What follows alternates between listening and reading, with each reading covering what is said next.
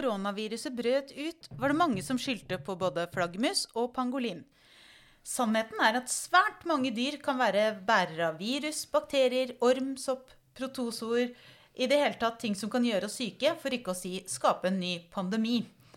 En av ekspertene på dette temaet er Kyri Kausrud, som jobber ved epidemiologisk seksjon ved Veterinærinstituttet. Velkommen.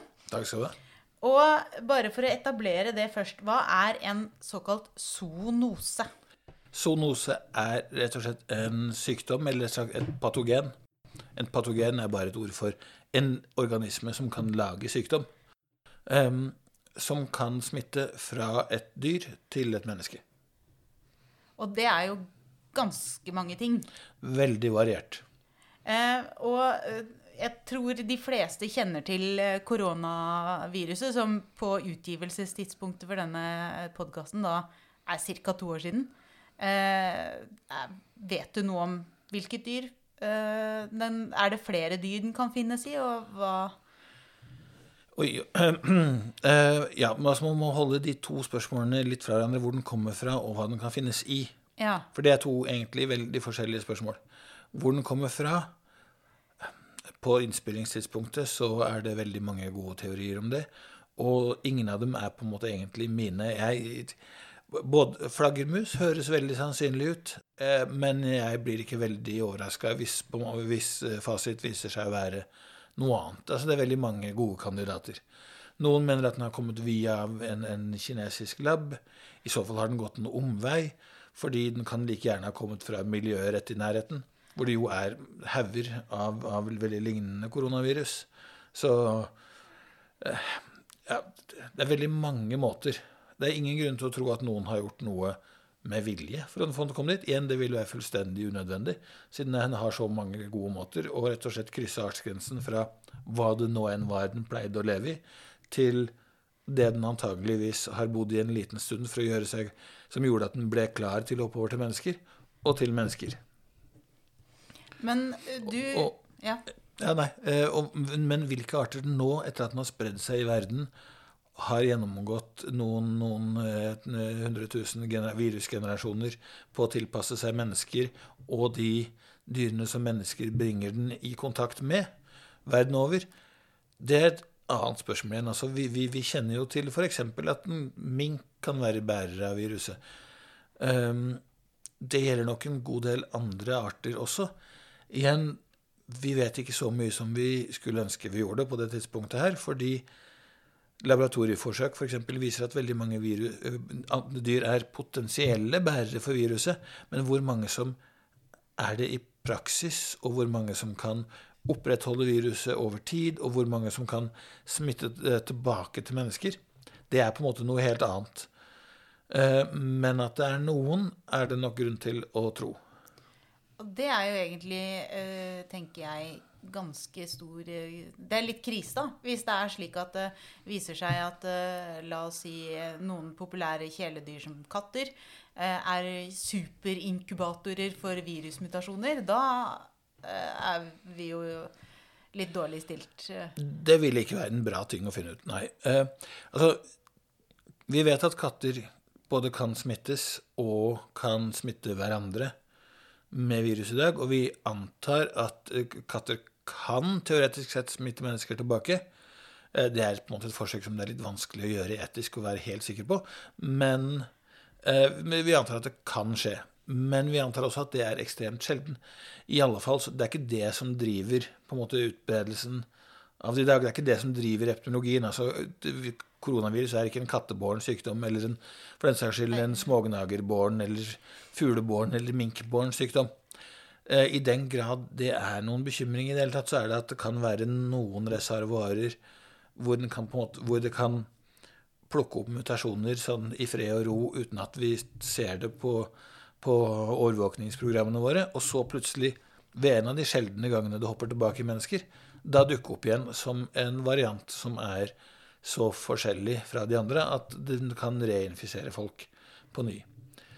Den er det er mulig det har skjedd allerede. Noen av de, de, de variantene som, nye variantene som nå går sin seiersgang, eh, nå sist omikron-varianten, de kan godt ha antageligvis utviklet seg i mennesker med dårlig immunforsvar, f.eks., som har hatt det kronisk lenge.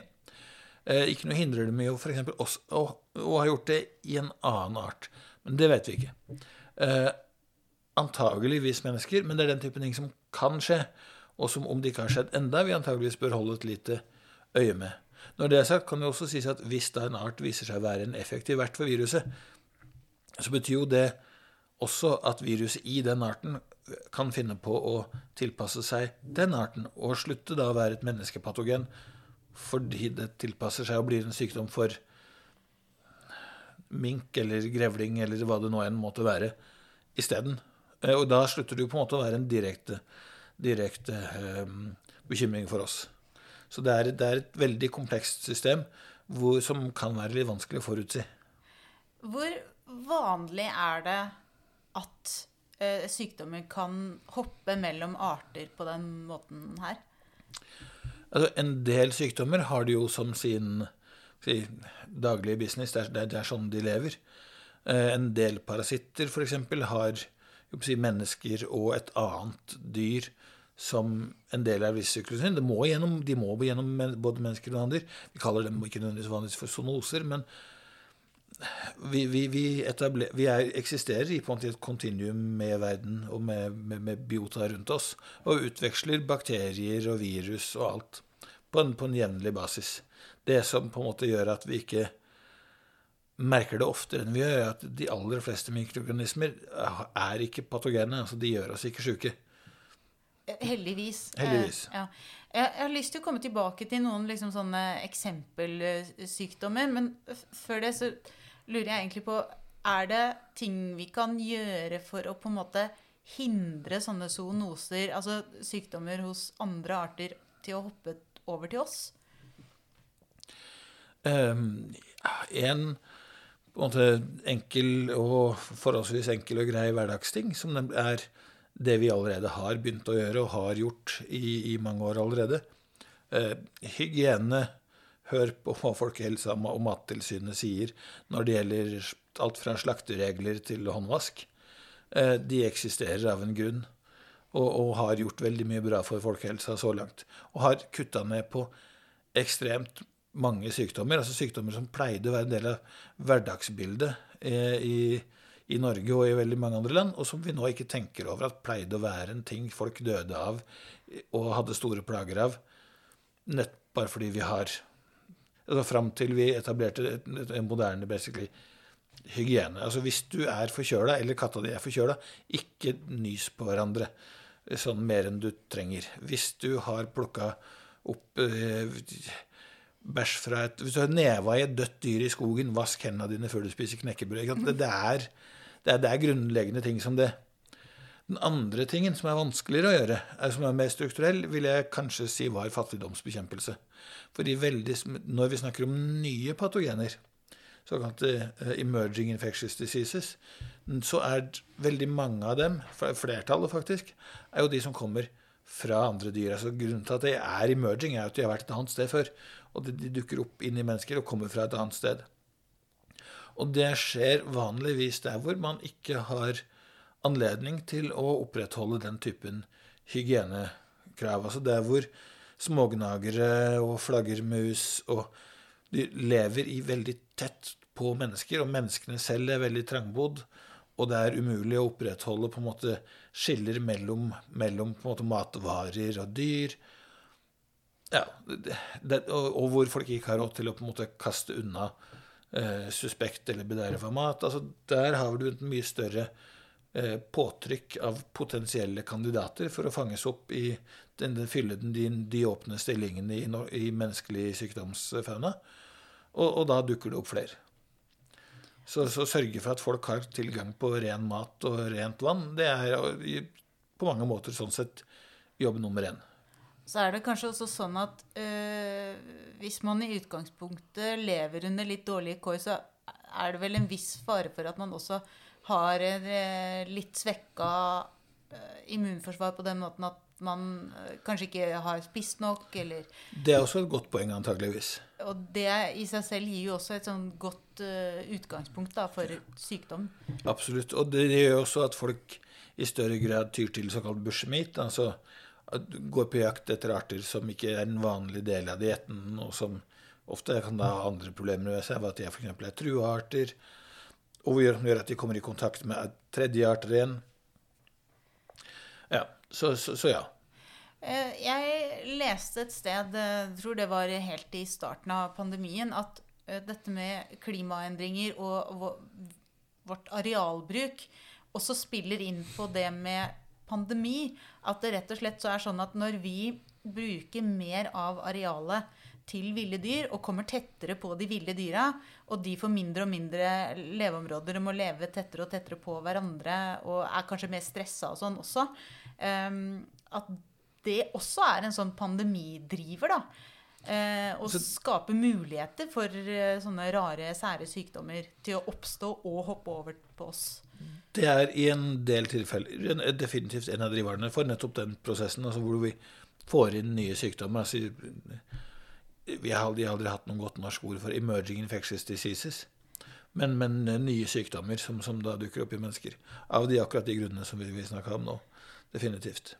Og, men, men um, kan legge til at veldig ofte så er jo det med de, kommer de gjennom da dyr som bor tett på oss, sånn som husdyrene våre, eh, eller de, de, som vi ikke tenker på som husdyr, men i praksis er det, sånn som rotter og, og, mus og andre dyr som sånn trives i vår nærhet.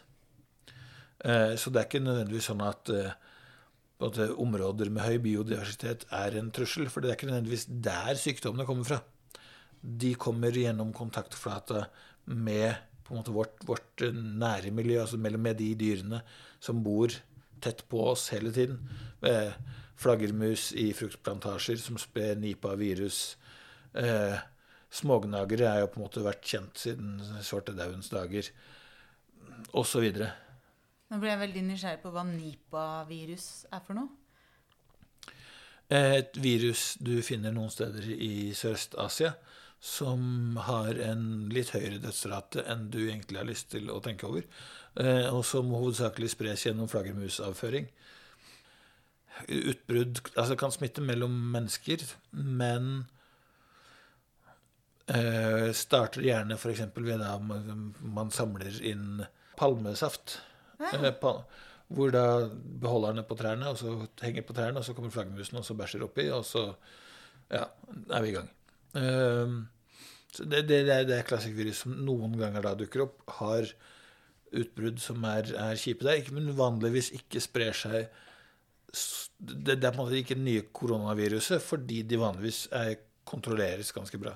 Ja, så er det rett og slett så eh, effektivt, det viruset, at de som har fått i seg, de dør, og så dør de kanskje før de smitter videre? Ja, ikke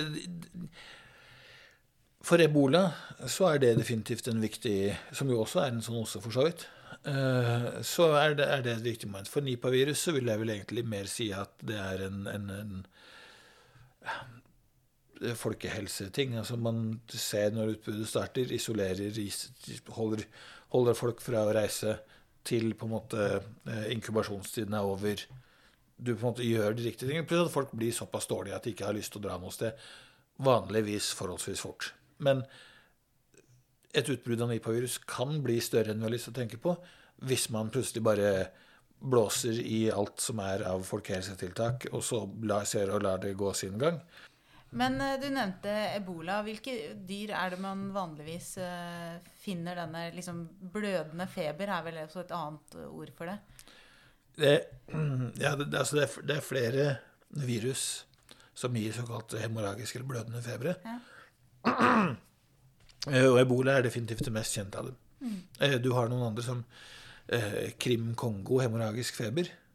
Eh, med, med, den er forholdsvis snill. Den har bare 20 dødelighet. um, men, men, men, men, de er på en måte kjipe nok. Men de, de henger også vanligvis rundt i dyr. Og har mennesker nærmest som en sekundærvert som kan uh, gjøre et utbrudd på en måte større, kan, men, men, vanlig, men, for det meste egentlig er en, en, en blindvei vir, fra virusets perspektiv. Vet vi hvilke eh, arter eh, som er verdt for ebola og Flaggermus står vel høyt opp på mistenkeliste her også. Men eh, akkurat hvilke, eller om det er noen som har tatt over, der har ikke jeg fulgt akkurat den linjen godt nok til å ha noe særlig å si, egentlig. Ja. Men vi kan, jo følge det sporet med, med husdyr først. fordi at det, du nevnte at de dyrene vi er tett på, eh, det er de dyrene som kanskje er vanligst. Og det er vel jeg, Nå gjetter jeg bare, men jeg tipper at fugleinfluensa og svineinfluensa har fått sine respektive navn eh, av en grunn. Er det, er det, på en måte der eh, neste pandemisannsynligheten er størst? Det er en kandidat, iallfall. Um, influensavirus er jo kjent for å mutere ganske forholdsvis hyppig og innimellom bytte, bytte mellom forskjellige vertsarter. Og ja, fugle- og svineinfluensa er definitivt på, på lista over mulige kandidater for, for neste pandemi. Hvor, hvis du skulle gjette, da, uh, hva er liksom din sånn worst case uh, uh, sjukdom? Jeg, har antageligvis for, for, mye fantasi til å Eller for dårlig fantasi til å, å, å hoppe inn i worst case scenario. Men jeg kan tenke meg en del utgaver av, av høypatogen fugleinfluensa, f.eks., som kan være veldig, veldig dårlig nytt hvis kom i godt i omløp. Fordi vi, vi har fremdeles ganske begrensa muligheter til å behandle virussykdommer. Og virus som da spres via luftveiene, er vanskelig å kontrollere. altså Sånn som jo, jo eh, koronaviruset har demonstrert veldig tydelig. Eh, så Samtidig som de på en måte veldig ofte ikke er så dødelige at folk bare blir De er ikke ebola, liksom, så, så folk går ikke ut av sirkulasjonen nødvendigvis.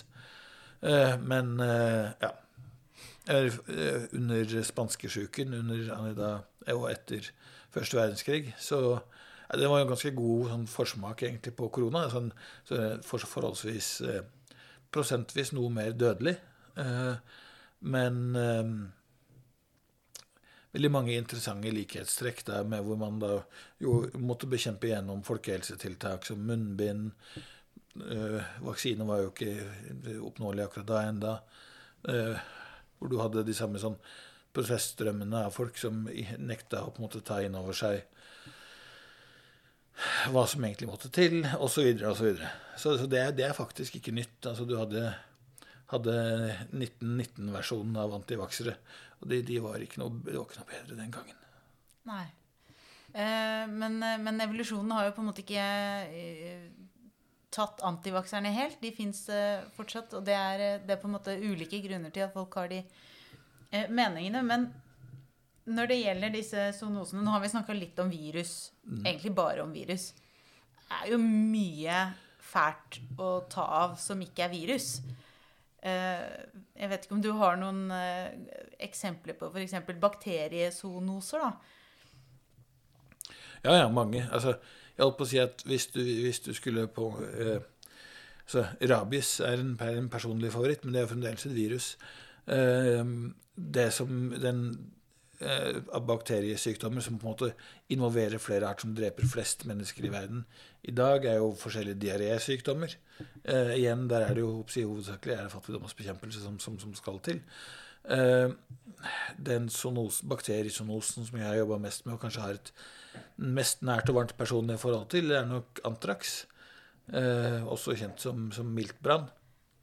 Eh, det er, ikke, det er, ikke, alle som på en måte har tenkt over at det faktisk er det samme dyret. Altså, men det er begge deler det er den samme bakterien.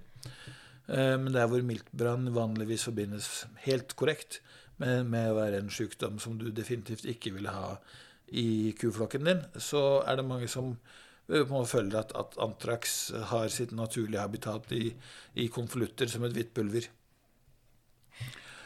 Og, og, men egentlig, som sagt, det er miltbrann. Det bor i, i, hovedsakelig i beitedyr eh, over hele verden. Altså fra Vi har hovedsakelig jobba med antrax i Namibia.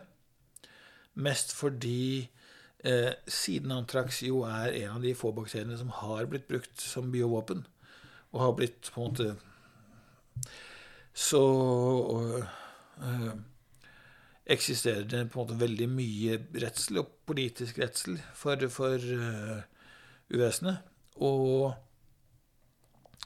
Det gjør at du, du, du, du må på en måte Hvis du skal studere det, så må du enten inn på en veldig, veldig, sikker, veldig sikkert laboratorium. Eh, og da kan du studere det veldig nøye genetisk eller molekylært, men du får ikke egentlig sett på hvor, hva det egentlig gjør ute i terrenget. Men du kan ikke akkurat spre antrax på en jordbruksbesetning i Gudbrandsdalen. Det ville være en veldig dårlig idé og en, et, et, en dårlig forskningssøknad å prøve å skrive. Eh, så da må du dra til de stedene hvor den lever sitt naturlige livssyklus uten å på en måte bli forstyrra av mennesker. Og da er på en måte av nordområdene i Namibia på grensa mot Angola er, er et sånt sted hvor du kan finne antrax utfolde seg i sitt naturlige miljø. Men eh, det finnes jo også f.eks. i Sibir. Eh, russiske ordet for, for uh, antrax er uh, uh, sibirsk syke, fordi den pleide å være så vanlig i beit i da, kyr, altså storfe, og i reinsdyr. At man jo har hatt store det har jo vært en bekymring med klimaendringene at, at uh, reinsdyr f.eks. som har dødd av antrax eller miltbrann, uh, tiner igjen, og plutselig så er denne sykdommen høyst aktuell, da. Ja, det var nok det som skjedde på Jamal-halvøya i Sibir i 2016. Eh, men Antrax trenger ikke nødvendigvis egentlig vente på, på uh, tinende permafrost, selv om det hjelper. Uh, den danner sporer som er veldig hardføre, og som kan ligge i terrenget i ti, mange, mange tiår. Og på en måte bare vente og gjøre, gjøre ingenting. Men hva er det som skjer da hvis man får en sånn miltbrannbakterie i seg? hvis du er menneske? Ja. Ingenting. Eh, vi er omnivore og forholdsvis, forholdsvis resistente. Um, og kan opparbeide oss en viss resistens hvis man utsettes for det på, på jevnlig basis. Altså En del av urbefolkningen i området hvor vi pleier å jobbe, de, de, for en generasjon siden så levde de såpass i kontakt med områder hvor det var mye, mye dyr som døde av antrax. At de var jevnlig nok i, kontakt med den, så at det egentlig ikke var på lista deres over bekymringer. Altså, bare de kokte kjøttet godt nok, så gikk det helt fint. Og når det kommer, kommer eh, Og løvene i området, de takler det også helt fint.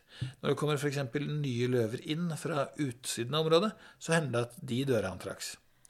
Eller mennesker som f.eks. Ja, hvis det er en menneske som, som spiser av et sjøldødt dyr av antrax uten å være sånn utsatt for sånne små doser fra barnsbenet, så er nok også oddsene veldig dårlige. Men siden det er en bakterie, så kan den jo i det minste, hvis du kommer tidsnok Så hvis du blir syk, så kan du fremdeles med forholdsvis stor suksess behandles med antibiotika. Nettopp.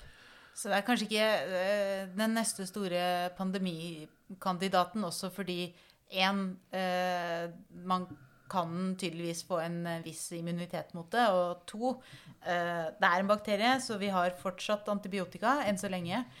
Um, ja, så den, jo, den, har jo vært verdensomspennende, eller er verdensomspennende. Det engelske navnet for den er wool sorters disease.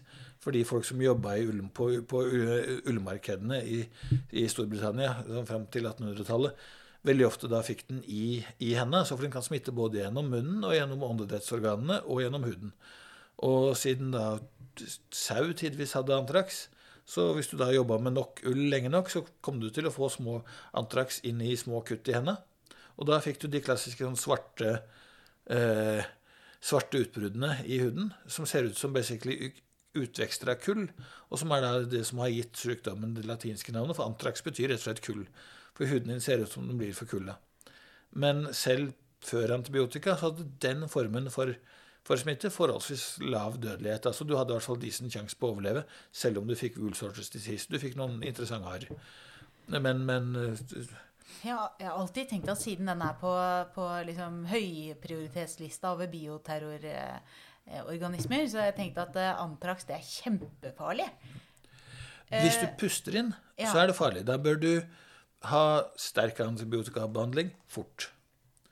Men du vil ikke ha et biovåpen som på en måte ser ut som det på film. Altså du, du, vil ikke ha et biovåpen som, som utrydder deg selv også. Du, du vil, hvis noe skal være et våpen, må, et effektivt våpen, så må det kunne kontrolleres.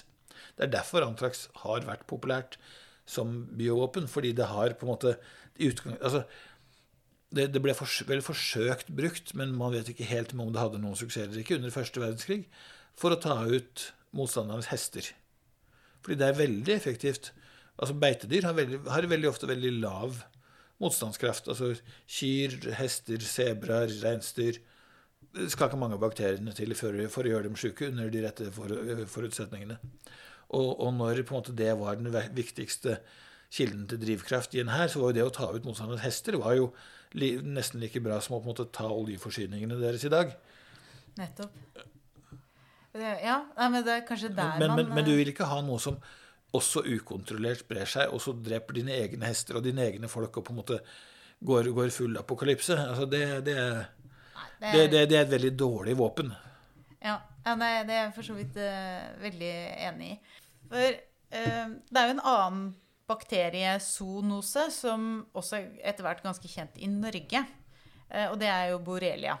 Hvilke dyr er det som har den som, som på en måte, hvor den bor naturlig? Så den sirkulerer naturlig. Eh, altså det, er, det er flere forskjellige typer borrelia. Eh, men, men sirkulerer imellom da smågnagere, altså mus og, eh, og hjortedyr. Og for den saks skyld sau. Og fraktes da av flått. Igjen fra, fra bakteriens synspunkt så er ikke det å havne inn i et menneske det er en, er ikke en bra ting. En borrelia-bakterie som havner i mennesket, menneske, den kommer seg ikke videre her i verden, men dør ut.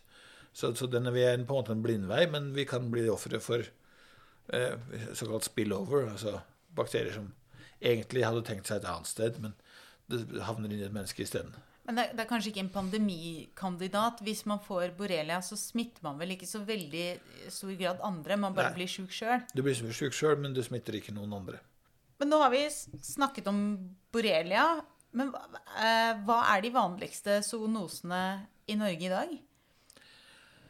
Jeg vet ikke egentlig om jeg vil si at noen zoonose er vanlig i Norge i dag. i det hele tatt. Altså, de er stort sett under forholdsvis enten under god kontroll eller har så svake symptomer at vi på en måte ikke vet, fordi de ikke på en måte blir fanget opp av noe, noe, noe kartleggingsapparat så veldig ofte.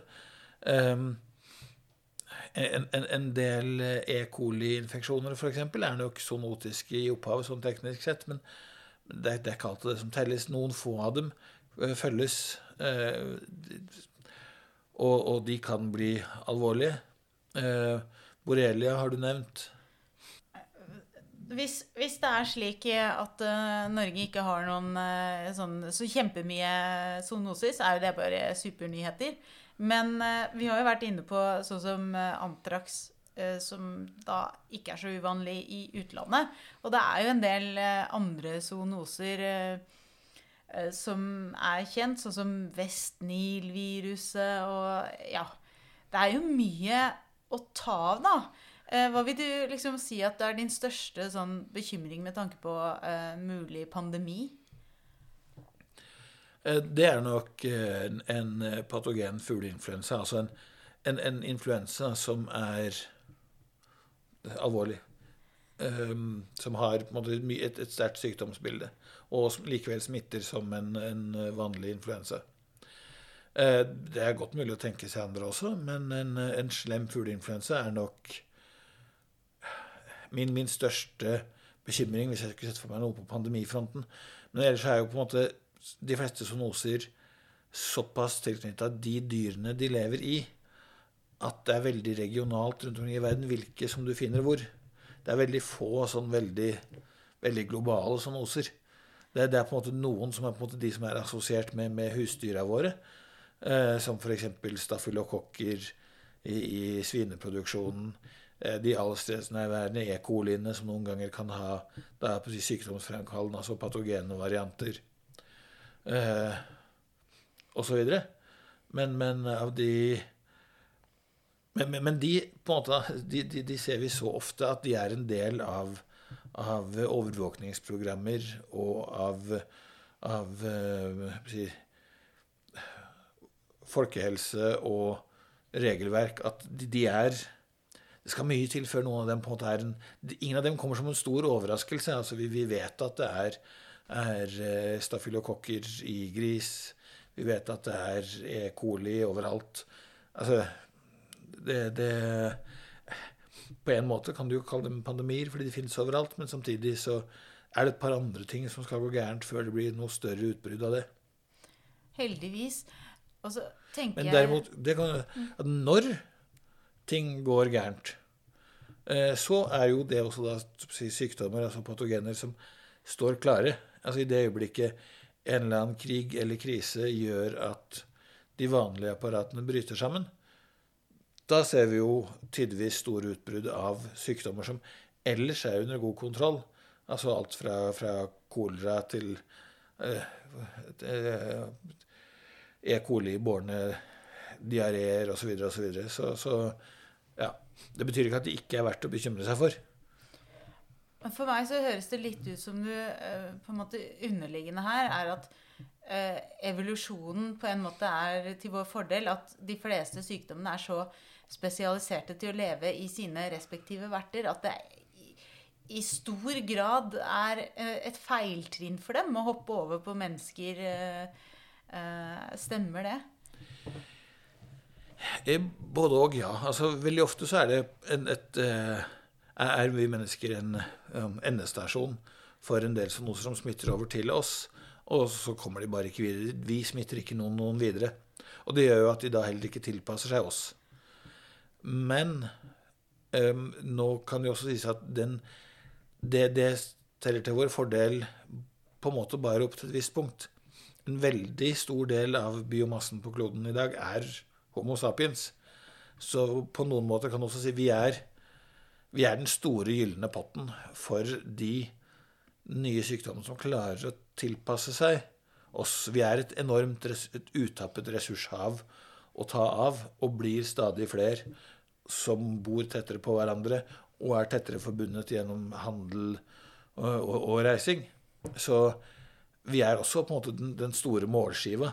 Og det, det er vel muligens eh, eh, ja, koronapandemien en liten, et lite forsmak på. Altså vi er, eh, vi, vi er en, rik ressurs som nye virus eller andre sykdommer har for mye igjen for å tilpasse seg.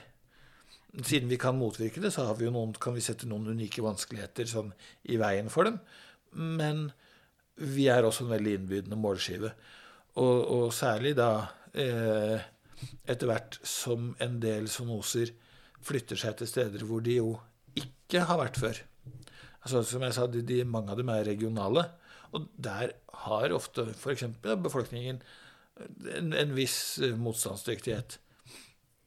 Men ettersom jo både vår bruk av landarealer endrer seg, og vi bruker stadig mer landarealer til, til på våre formål, og ikke minst klimaet endrer seg, så flytter jo også zoonosene seg. Og da kommer de i kontakt med både nye menneskepopulasjoner, og ikke minst kommer de i kontakt med nye arter som kan være mellomverter, og så bringe dem videre over i en menneskepopulasjon. Hvis du husker at, snakker om at, at um, koronaviruset antageligvis Si det kommer fra flaggermus, f.eks.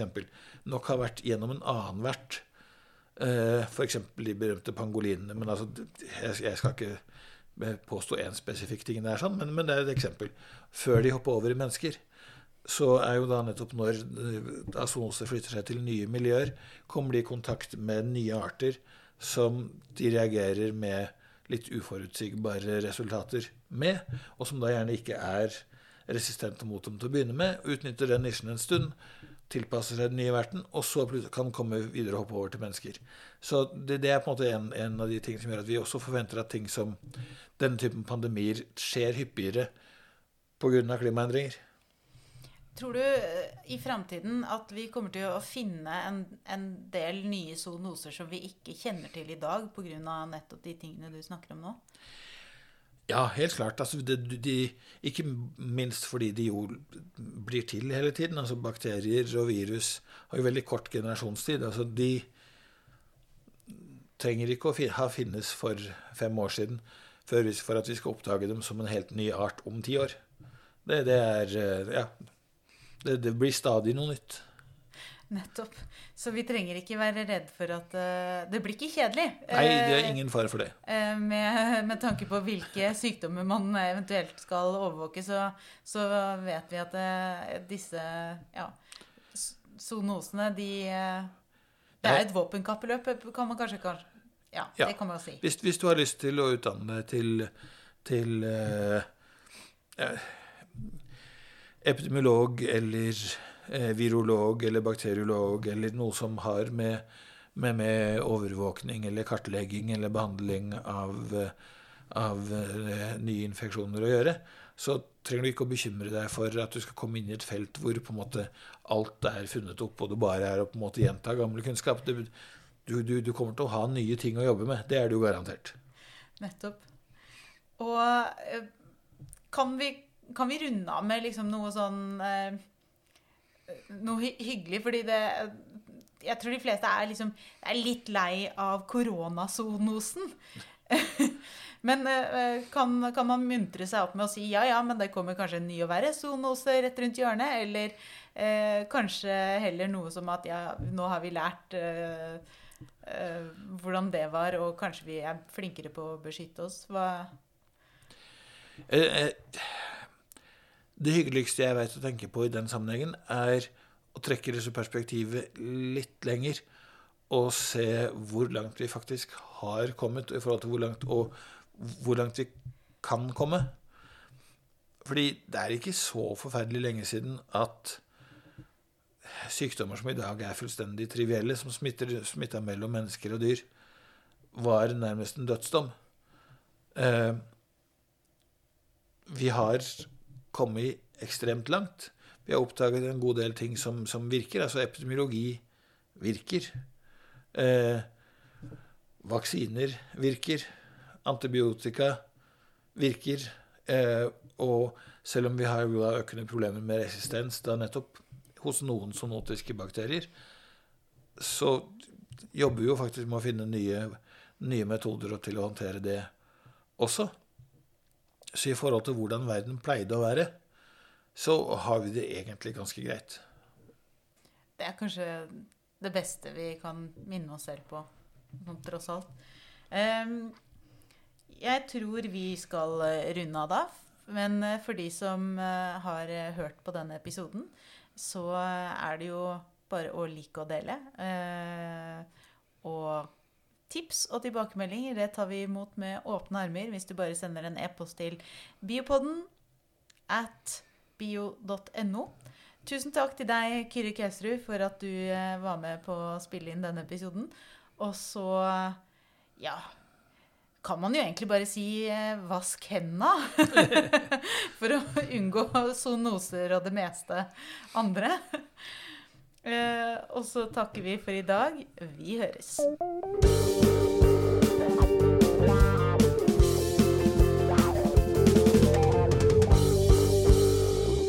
Har nå hørt Biopodden intervju med Elina Melteig. Og med på laget har jeg også Torborg Galtland, daglig leder i Norsk biologforening. Musikken du hørte, er laget av biologibandet Overgump og består av Even Sletting Garvang, Markus Fjelle, Erik Møller, Mathias Kirkeby og Audun Rugstad. Fortell gjerne om podkasten til venner og kjente, og gi oss tips og tilbakemeldinger på e-posten biopodden at bio.no. Og hvis du vil støtte oss, er du hjertelig velkommen som medlem av Norsk biologforening. Vi høres!